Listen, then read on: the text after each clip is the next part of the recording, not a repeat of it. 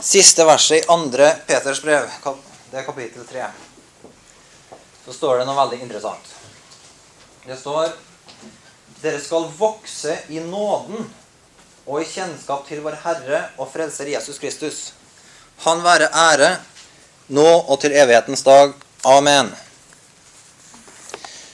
Eh, og Det uttrykket som er interessant her, det er at du skal vokse i nåden. Det er veldig interessant.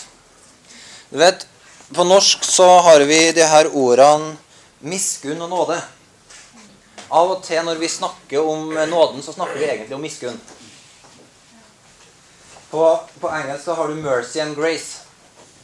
Når miskunn, det er at Gud i sin barmhjertighet tilgir deg og ikke tilregner deg synd. Ok?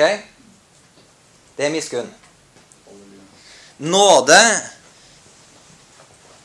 Altså, Når vi snakker om miskunn, så har Gud enda ikke gitt deg noen ting.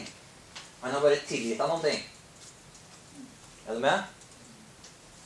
Nåde, det er at Gud ufortjent gir deg noe. Det vil si, nåden er at Gud gir deg Kristi rettferdighet. Nåden er at han gir deg sin ånd. Og nåden er sånn som Gud da har talt i sånne eh, ord til oss i dag gjennom eh, Katrine, Kaja og Fredrik. Nåden er altså eh, handler om at Gud åpner forrådskammeret sitt. Det handler om kjøleskapet. Guds kjøleskap. Guds forrådskammer. Himmelen som er åpen. Gud som sitter, og det sånn som Katrine sa, Du kommer framfor en Gud som sitter på tronen som er over alle andre troner, makter, myndigheter, fjell, utfordringer. Åh. Høyt overalt så er Guds trone etablert. Og der kommer vi fram og finner nåde. Nådens trone er way up there! Og i Kristus Jesus så kommer vi fram for nådens trone. Og det er et fullstendig skift. For vet du, det naturlige mennesket er ikke vant til å leve i nåde. Før du ble frelst, så var erfaringa di at det var en sammenheng mellom En helt sånn logisk sammenheng mellom input og output. Det er og, og, kanskje enda verre enn det. Du møtte trøbbel som du ikke var i stand til å rå over. Blant annet din egen synd.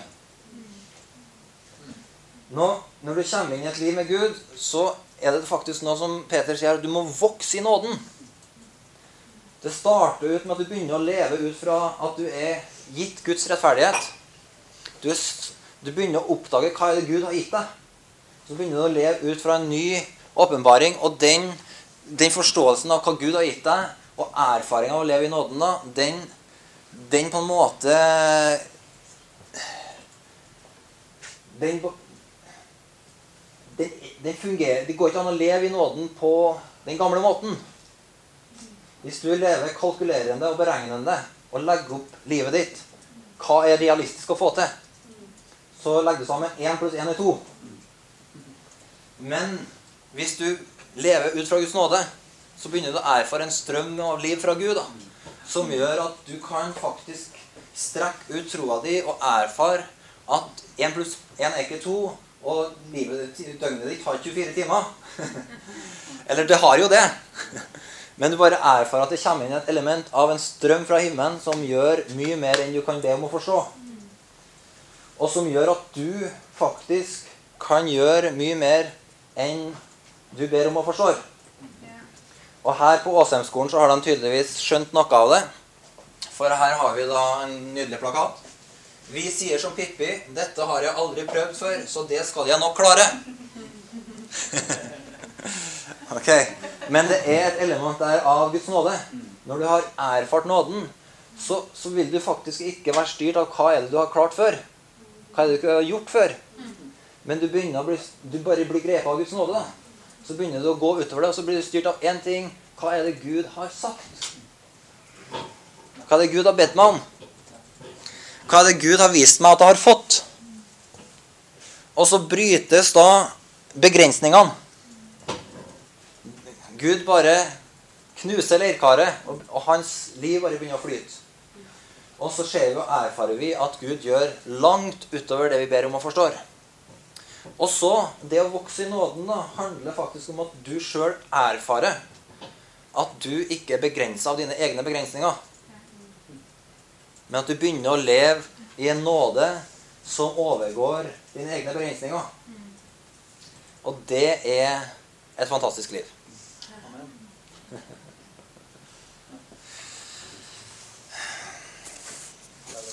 Vi blir større. Nåden gjør deg stor. Nåden utvider deg.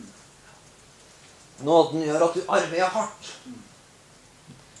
Paulus sier Guds nåde den har ikke vært forgjeves imot meg. For jeg har arbeidet hardt. Ja, faktisk kan jeg arbeide mer enn de andre. Tenk på det. Nåden gjør deg ikke sånn passiv og sier ja, nå har jeg fått alt av nåde, da skal jeg bare sitte og vente på at denne nådeheisen skal komme og ta meg til himmelen. liksom. Nei. Nåden gjør at du arbeider hardt. Nå, Det gode er at eh, nåden gjør deg ikke lovisk. Så du arbeider ikke hardt ut av dårlig samvittighet eller en uh, pisk som du ser innenfor troen, eller eller annet sånt, men du arbeider hardt fordi du erfarer Guds nåde som virker livet ditt. Så nåden den oppdrar oss til et rett liv. For her vi skal Vi må lese det som Paulus sier i 1. Korinterbrev, kapittel 15 og vers 10. Men ved Guds nåde er det er jeg det jeg er. Tenk på det. Ved Guds nåde er jeg det jeg er. Du er ikke den du er fordi du har vært eh, så flink eller så elendig. Ok? Du er den du er ved Guds nåde. Så hvis du føler at du har mislyktes, og livet har gått deg imot, du har gjort dumme valg, ikke la de tankene begrense deg. For ved Guds nåde så er du den du er. Ok? Og du er ikke mislykka. Ved Guds nåde så er du den Gud har gjort deg til. Ved Guds nåde så har Gud forma deg. Gjort deg vakker. Rettferdiggjort deg. Og du er akkurat det redskapet som han har tenkt å bruke og la vokse i sin nåde. Og hvis du opplever at du har vært vellykka, livet har gått deg, vært med deg, du har levd medstrøms, gjort de rette valgene, vært den flinkesten, så kommer ikke det til å hjelpe noen ting. For ved Guds nåde så er du den du er. Og ingenting av de styrkene dine som du er så fornøyd med, kan hjelpe deg til å være noe mer for Gud. Gud er ikke imponert, for ved Guds nåde er du den du er. Ok? Og han eh, er faktisk avhengig av folk som lever i nåden, for at han skal kunne gjøre sitt verk. da. Fordi med en gang vi møter Gud, så oppdager vi at vi er sånne Vi er mennesker, han er Gud. Men ved Hans nåde så er vi født på ny, og så kan, vi, kan Han bruke oss til noe mye mer. Uavhengig av fortid. Ved Guds nåde så er vi den jeg er. Og Hans nåde mot meg har ikke vært bortkasta. For jeg har arbeida mer enn noen av dem. Det vil si ikke jeg, men, men Guds nåde som er med meg. Tenk på det. Paulus han hadde erfart nåden. Han hadde erfart at, at han var språkmektig, eh, akademisk anlagt, rett statsborgerskap. Alle de her tingene som han kunne skryte av. Det hjalp han ikke. Men så hadde han møtt Guds nåde, og så hadde han begynt å arbeide i nåden. og så hadde han kunnet si at Guds nåde har ikke vært forgjeves imot den, for han har tatt imot den, nåden og begynt å omsette den. Begynt å leve ut derfra. I avhengighet til Gud. I avhengighet til Guds liv. Og at Guds nåde virka. Så han kunne si at var, når han oppsummerte, så var det litt vanskelig for han å sette ord på det. Han sa 'Jeg har arbeidet hardt'. Men det vil si, det er jo Guds nåde som har virka i meg. Så han, eh, han, sier begge deler her. Han roter litt med det. Erfaringa hans er bare Han har arbeidet hardt, men det er egentlig Guds nåde som har virka. Så det er en erfaring av noe som han ikke helt forstår, men han erfarer bare noe ved sin ånd. da, Av at Gud er til stede og virker livet. Har du erfart det, eller? Du, du erfarer at du tjener den nåden Gud har gitt. Og så skjer, det at Gud virker.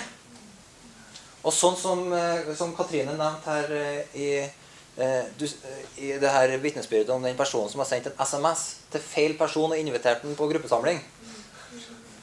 Det, det, du, du sender den SMS-en. Du er i arbeid. Du tar det steget ekstra. Men så virker Guds nåde, da. Og legger til mye mer. Doble innsatsen. Så det er Guds nåde. Vet du, Guds nåde gjør at du ikke møter nederlag.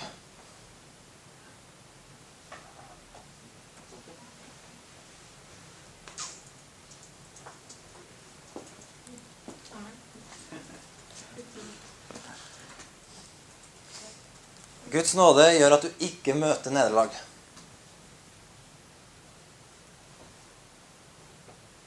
Amen. Hva, hva mener du med det, Håvard? Møter vi er ikke ting som går oss imot? Nei, hør her. Ved Guds nåde er du den du er. Gud har gjort deg til den du er. Så innsatsen din var ikke forskjellen. Det var Gud som gjorde deg til den du er. Det betyr at livet ditt handler om å leve i Guds nåde. Målestokken din er ikke din egen prestasjon. Og vet du det her er kjempeviktig. Det her er en sannhet som utvider livet ditt. Fordi det gjør Hvis du slutter å måle livet ditt ut fra hva du sjøl presterer, begynner å måle livet ditt ut fra nåden, så vil du takke Gud for Hans nåde under alle omstendigheter. Og vet du, da vil du være en kilde til liv, ikke fordi du er på overskuddssida. Ikke fordi du føler deg sterk, men fordi det er Guds liv i deg som gjør at du faktisk kan erfare, sånn som du leser sammen fra Salme 1.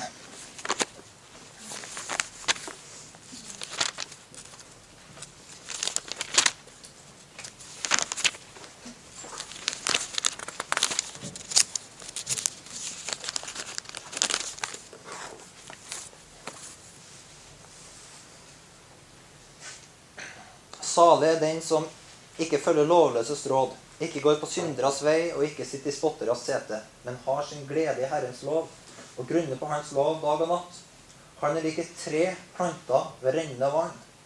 Det gir sin frukt i rett tid, og løvet visner ikke. Alt han gjør, skal lykkes. Vet du, når du har møtt Gud på en sånn måte at livet ditt handler ikke om å gå rundt og bedømme alt som skjer rundt deg. Det er det spottere gjør. De går rundt og peker finger og ser på bedømmer ting. Ha-ha, han var dårlig. Eller du har mislyktes. Du har ikke mål. Men du har glemt denne måten å leve på. Vendt ryggen til den, og så har du kommet inn for Gud. Begynt å leve ut fra Guds ansikt. Du lever i Guds ord.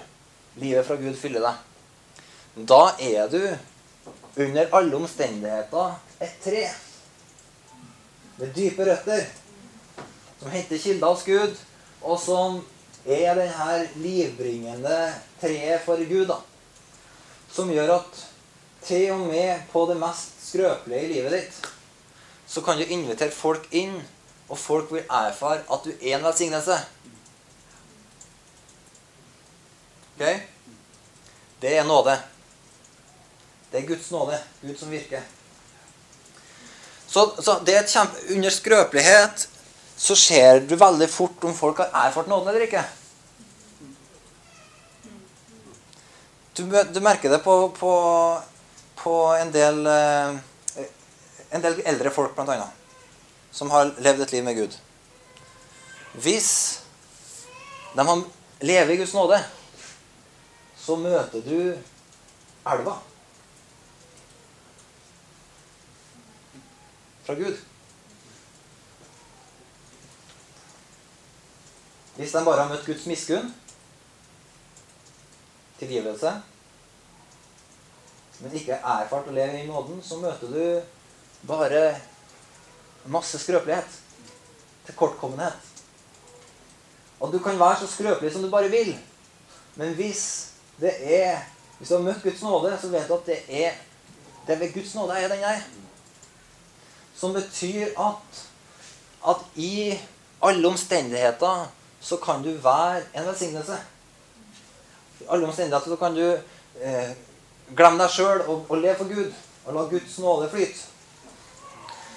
Og det der er måten Gud gjør alle ting på. Han bygger ingenting gjennom eh, ta seg sammen og krav og press og ytre bud og regler og sånn. Men han bygger ved sin nåde. Han arbeider. Han, han vil ha æren. Gud vil ha æren. La oss gå til Efeserbrevet, kapittel 1.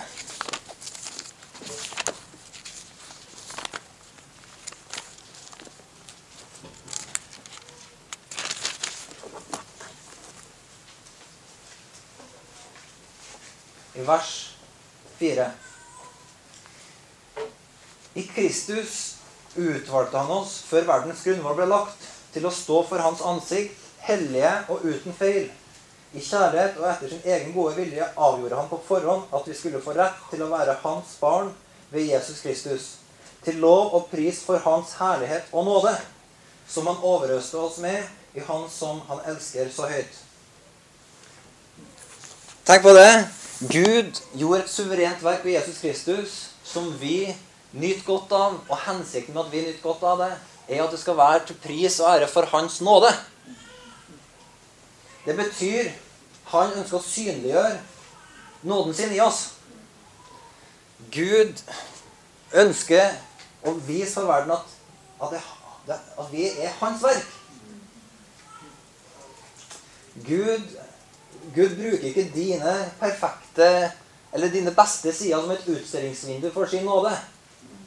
Han bruker hele deg som et utstillingsvindu for sin nåde. Både på en måte dine sterke sider og svake sider. Gavene og talentene dine og skrøpelighetene. Alle ting bruker Gud for å uttrykke sin nåde. Og det er der Gud hele tida er så nidkjær. Han deler ikke æren. Han skal ha ære, skapt til pris og ære for hans nåde. Så Gud vil gjennom oss gjøre navnet sitt stort og demonstrere for verden ikke at vi er perfekte folk, men at han er en stor Gud. At han er full av nåde. At han er større enn våre utfordringer. Og det er Guds visdom, som er fantastisk. Og da er det hele tida da vår enkle utfordringa for Gud til oss er hele tida lev i nåden. lev i nåden. Voks i nåden. Bli sterk ved nåden, min sønn. Som Paulus skrev til Timoteus. Bli sterk ved nåden. Bli sterk ikke ved mat og drikke, ikke ved de her ytre tingene. Ikke ved religiøsitet og fasader, det at du gjør ting rett. Vær sterk ved nåden. Og da kommer vi inn på det at Gud virker og bygger huset sitt gjennom oss i alle våre omstendigheter. Det betyr at hvis vi tror at en travel eksamensperiode for mange småunger, en for slitsom jobb, ei for eh, masete kone, en for liten lønning, ei for forlokkende hytte. You name it. Står i veien for at Gud i dag kan bruke deg til å bygge sitt hus, til å utbre evangeliet, til å vinne mennesker for Jesus, da trenger du å vokse i nåden. Og vet du, nåden gjør at du kan leve menighet og være en som vinner mennesker, uavhengig av alle omstendigheter i livet ditt. Ok? Det er ingen omstendigheter som kan stå i veien for at du lever et pulserende menighetsliv og vinner mennesker for Jesus. For det hviler ikke på din fortreffelighet, men på Guds nåde. Ok? Ingen omstendigheter.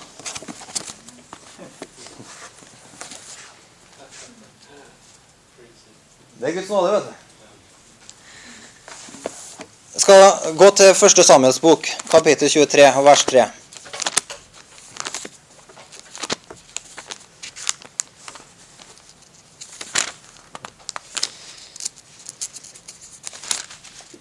Nåden strekker oss. Nåden gjør oss større. Nåden utvider oss. Nåden gjør langt utover det vi ber om og forstår. Nåden gjør deg til en kilde når du er sliten. Gjør deg til en oppmuntrer når livet går deg imot. Gjør deg sterk når du er svak. Gjør deg til en seierherre når du møter utfordringer. Nåden får deg til å oppsummere livet ditt hver dag under alle omstendigheter med å si 'Gud har lyktes'. Gud har gjort sitt verk. Jeg er rettferdiggjort. Jeg er et mesterstykke i Gud, kunstner sin hånd. Han har ikke bare skapt meg, men han har rettferdiggjort meg og fylt meg med sin egen livgivende ånd. Jeg er et tempel for Gud. Ingen omstendigheter kan gjøre dette tempelet vanhellig. Det er helliggjort. Fylt av Guds ånd. Jeg løfter spiret når jeg går på bussen. Hvis ingen ser meg, så tar jeg hendene ned og takker Gud i hjertet. Men hvis noen ser meg, så løfter jeg hendene når jeg går på bussen. Gir ære til Gud. Ja, jeg gjør det ikke. Altså. Men poenget er bare under alle omstendigheter så kan jeg være en som bringer ære til Gud. Fordi Gud har gjort et godt verk. Nå skal du se forskjellen. David var en mann som lærte å kjenne Guds nåde. Han har et fantastisk vitnesbyrd om livet i nåden. Hvis du vil lære mye om Guds nåde, så les David sitt liv. Men vi skal altså inn i kapittel 23 og vers 3. Vi skal her, nå hva det her betyr.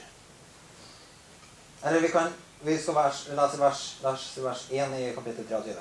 Settingen her, da, det er David har blitt megapopulær i Saul sitt dynasti. Folket elsker David, og Saul han har synda mot Herren og mista salvelsen. Og Samuel har salva, profeten Samuel har salva David til konge. Og sagt at han skal, Gud har sagt at han skal sette David på kongetronen. En konge etter Guds hjerte. Og Saul er rasende. Og han mobiliserer hele hæren sin og følger etter en mann som det eneste han har, det er at det er en del tvilsomme folk som har samla seg rundt den. Og David er på flukt. Og han lever på flukt. Og så skjer det som skjer her, da. David fikk melding om at filistrene hadde gått i angrep på Keila og plyndret treskeplassene. Fiendene til riket, som da var Saul sitt rike, men som òg var David sitt eh, framtidige kongedømme, det var under angrep. Altså fiendene hadde kommet. David får beskjed om det her. Da ba han Herren om råd. Skal jeg dra ut og slå disse filistrene? Det tenker Den tanken streifer bare en som har erfart nåden. Okay? Uten nåden så tenker du OK, Saul er her. Han er etter meg. Ikke nok med det, men fiendene har begynt å komme inn i landet. Vi er en gjeng med litt upolerte mannfolk på flukt. La oss finne den djupeste hula og sette oss til det blåser over. Til Saul er død, og filistrene har, eh, har gjort sitt. Men her er David som har erfart nåden, så sier han Da ba han Herren om råd. Skal jeg dra ut og slå disse filistrene? Og det er akkurat som du hører litt av eh, vår setting nå. Du vet hva Gud har kalt deg til. Du vet den naboen som Gud har talt om. Den personen som du begynte å dele evangeliet med, som du merka var åpen. Eller du kjenner til den situasjonen der noen bare trenger ei utstrakt hånd. Men du føler i alle disse omstendighetene så føler du så veldig. Har, jeg må bare lese den eksamen. Nå, er, nå kom det enda en bæsjebleie. Jeg kan ikke ta den telefonen. Jeg må eh, Jeg er så sliten. Jeg trenger bare en kveld til å hente meg inn. Men så streifer tanken deg. Nei, jeg er ikke her bare for å gjøre alle de her nødvendige tingene som alle andre gjør. Jeg er her fordi det er et oppdrag fra Gud. Tanken treffer deg. Og så gjør du som David, da. Han spurte Herren om råd. Skal jeg dra ut og slå de her filisterne? Herren svarte, dra ut og slå filisterne og befri Keila. Men Davids menn sa til ham, selv her i Juda er vi ikke trygge. Og så skal vi dra til Keila mot filistrenes hær. Du er gæren. Det naturlige mennesket slår inn. Sant? Alle argumentene kommer. Du spør deg sjøl skal jeg ta den telefonen. Skal jeg droppe middagen min sjøl og gå og stelle middag til den personen som er det travelt, osv., osv. Skal jeg, skal jeg, skal jeg, Herre? Og så kommer alle argumentene. Nei, det er for travelt. Du har ikke tid. Det er ikke rom for det. Og så går David, da. Enda en gang ba herre, David herre råd. Han hadde jo akkurat spurt om råd. Og så sier Men så fikk han alle motargumentene, så gikk han tilbake til Gud. Så sier han, Gud, enda en gang, Herre, vi er jo Vi ligger jo ned for telling. Vi har jo ingenting. Saul må jo ta seg av det der. Noen andre må gjøre det. Herren svarte, bryt opp og dra ned til Keila. Jeg vil gi filistrene i dine hender. Så dro David og mennene hans til Keila og kjempet mot filistrene.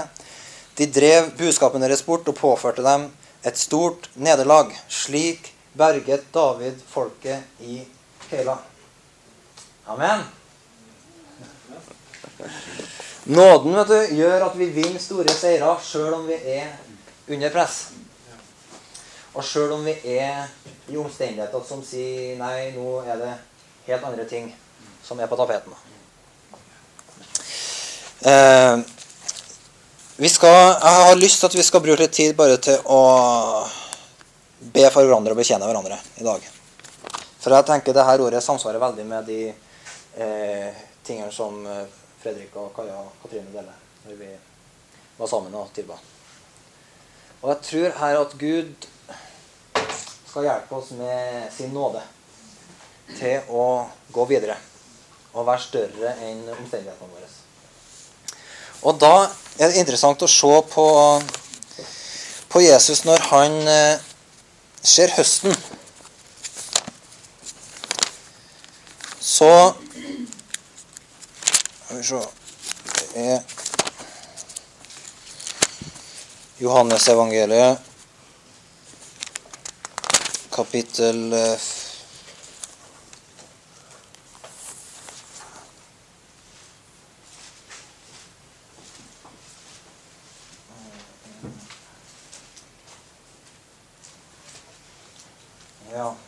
i sammenheng med det som står i Johannes evangeliet kapittel 4.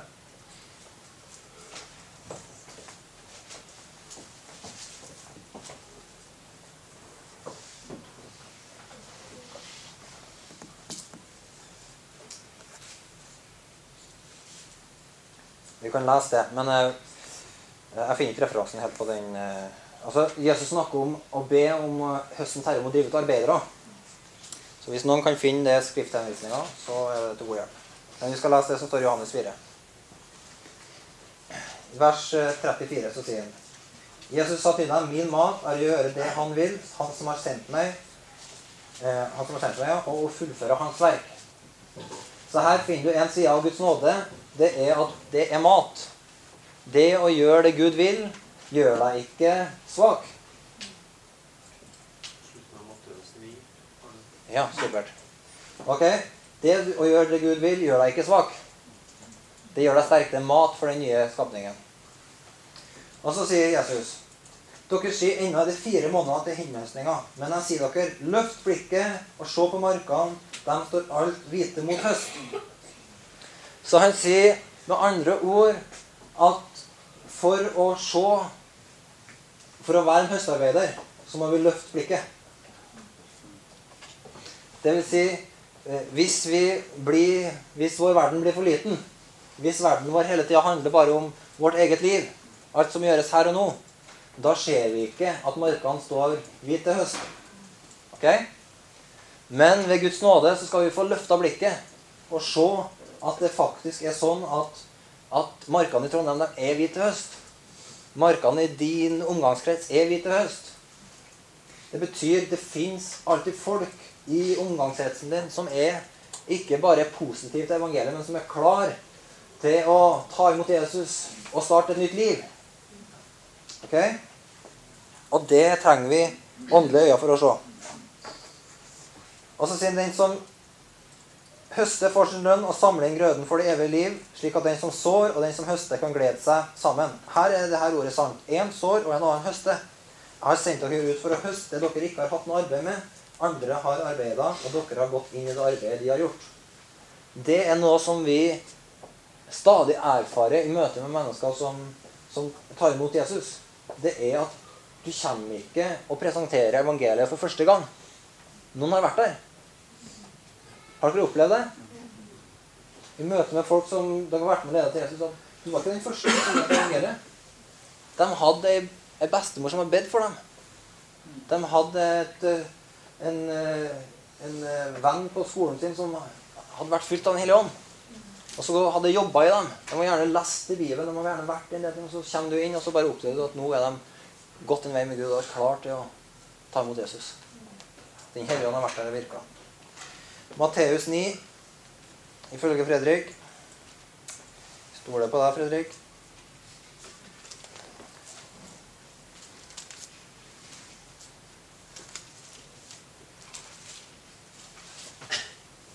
Og hva vers eh, var det vi skulle i? Jo, i vers 35, eh, ja. Vi kan ta vers 36. Og Da han så folkemengden, fikk han inderlig medfølelse med dem for de var forekomne og hjelpeløse som sauer uten gjeter. Da sa han til disiplene sine.: Høsten er stor, men arbeiderne få. Be derfor høstens herre sende ut arbeidere for å høste inn grøden hans. Så her er det her er utfordringa. Utfordringa er ikke å finne troende. Utfordringa er ikke å finne folk som har møtt Guds miskunn og fått tilgitt sine synder. Men utfordringa er Herren ber om at, at, vi skal be til Gud om at han skal drive ut arbeidere. Og det er de som har møtt Guds nåde. Da. Som har erfart at Gud ikke bare har frelst dem, men har tenkt å bruke dem til noen ting. Har en plan for livet som er større enn seg sjøl og som da er, stiller seg villig til Gud for å si Gud, Gud, la nåden din virke, så jeg kan gå lenger. Så jeg kan bli større enn begrensningene i mitt eget liv og i mitt eget sinn. Og gå ut og ta steg. Så jeg kunne tenkt meg bare at hvis vi hadde eh, vært sammen litt og bare bedt hver for oss innenfor Gud. Eh, og det som jeg har lyst til at vi skal be i lys av, er denne historien om David som så seg rundt og så at han var under press. Og ting var travelt. Men så hørte han noen ting som fikk han til å søke ut. Skal jeg, skal jeg gjøre et fremstøt for ditt rike? Skal jeg gjøre et fremstøt for din plan? Og så handla han og vant en seier. Så jeg bare har bedt til Gud for denne sammenhengen så føler jeg at vi skal ta og, og adressere noen sånne ting i livene våre. Der du vet her står det ei åpen dør foran meg. Her har Gud talt. Her har Gud vist meg noen ting. Her har Gud hviska noe i hjertet mitt. Og kanskje kommer du til å oppleve noen sånne ting her og nå. Og så skal vi være da djerv til å ikke løfte blikket. Nei, ikke å senke blikket. Og se bare omstendighetene våre. Og se bare presset du er under. Okay? det, ved Guds, bør bekjenne det her. Ved Guds nåde, det presset du er under, hindrer deg ikke fra å vinne seier for Guds rike. Okay? Det presset du er under, hindrer deg ikke til å gi respons på det Gud har fart om. Samme hvor travelt du har det. Og det kan godt hende at den travelheten du er i nå, bare er en fase som varer ei uke, to uker, tre uker. Men hvis du griper nåden, så vil det ikke være sånn at du venter til om tre uker før du høster inn. Eller tar initiativene. Men hvis du griper Guds nåde i dag, så erfar at du gjør lite, men Gud gjør mye. Men det er en respons i hjertene våre. Så, så, så, så, samtidig som vi ber til Gud om å, at Han viser oss eh, de her initiativene vi skal ta for Hans rike, og for at evangeliet skal gå fram, så adresser de her eh, eh, på en måte omstendighetene som reiser seg mot det. Eh, kravene, travelheten og alle de her tingene, og si jeg er, ikke, jeg er den jeg er ved Guds nåde. Det hviler ikke på min fortreffelighet eller min elendighet, men det hviler på at Gud har tenkt å bruke meg til å gjøre et verk. Så ved Guds nåde er vi den vi er.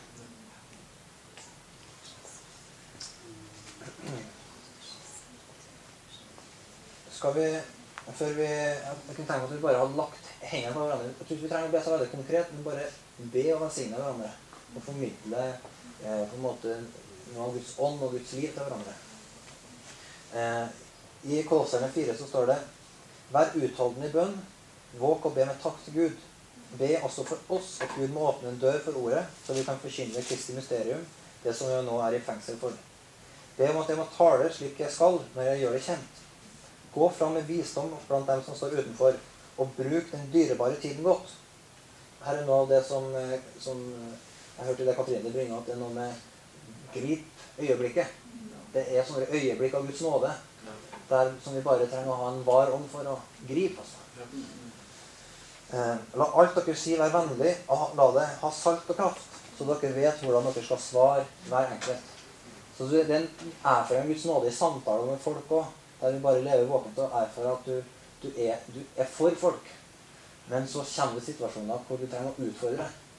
Og la ordene ha salt og kraft, sånn at det blir fødselskraft og nye fødsler. Og, sånn.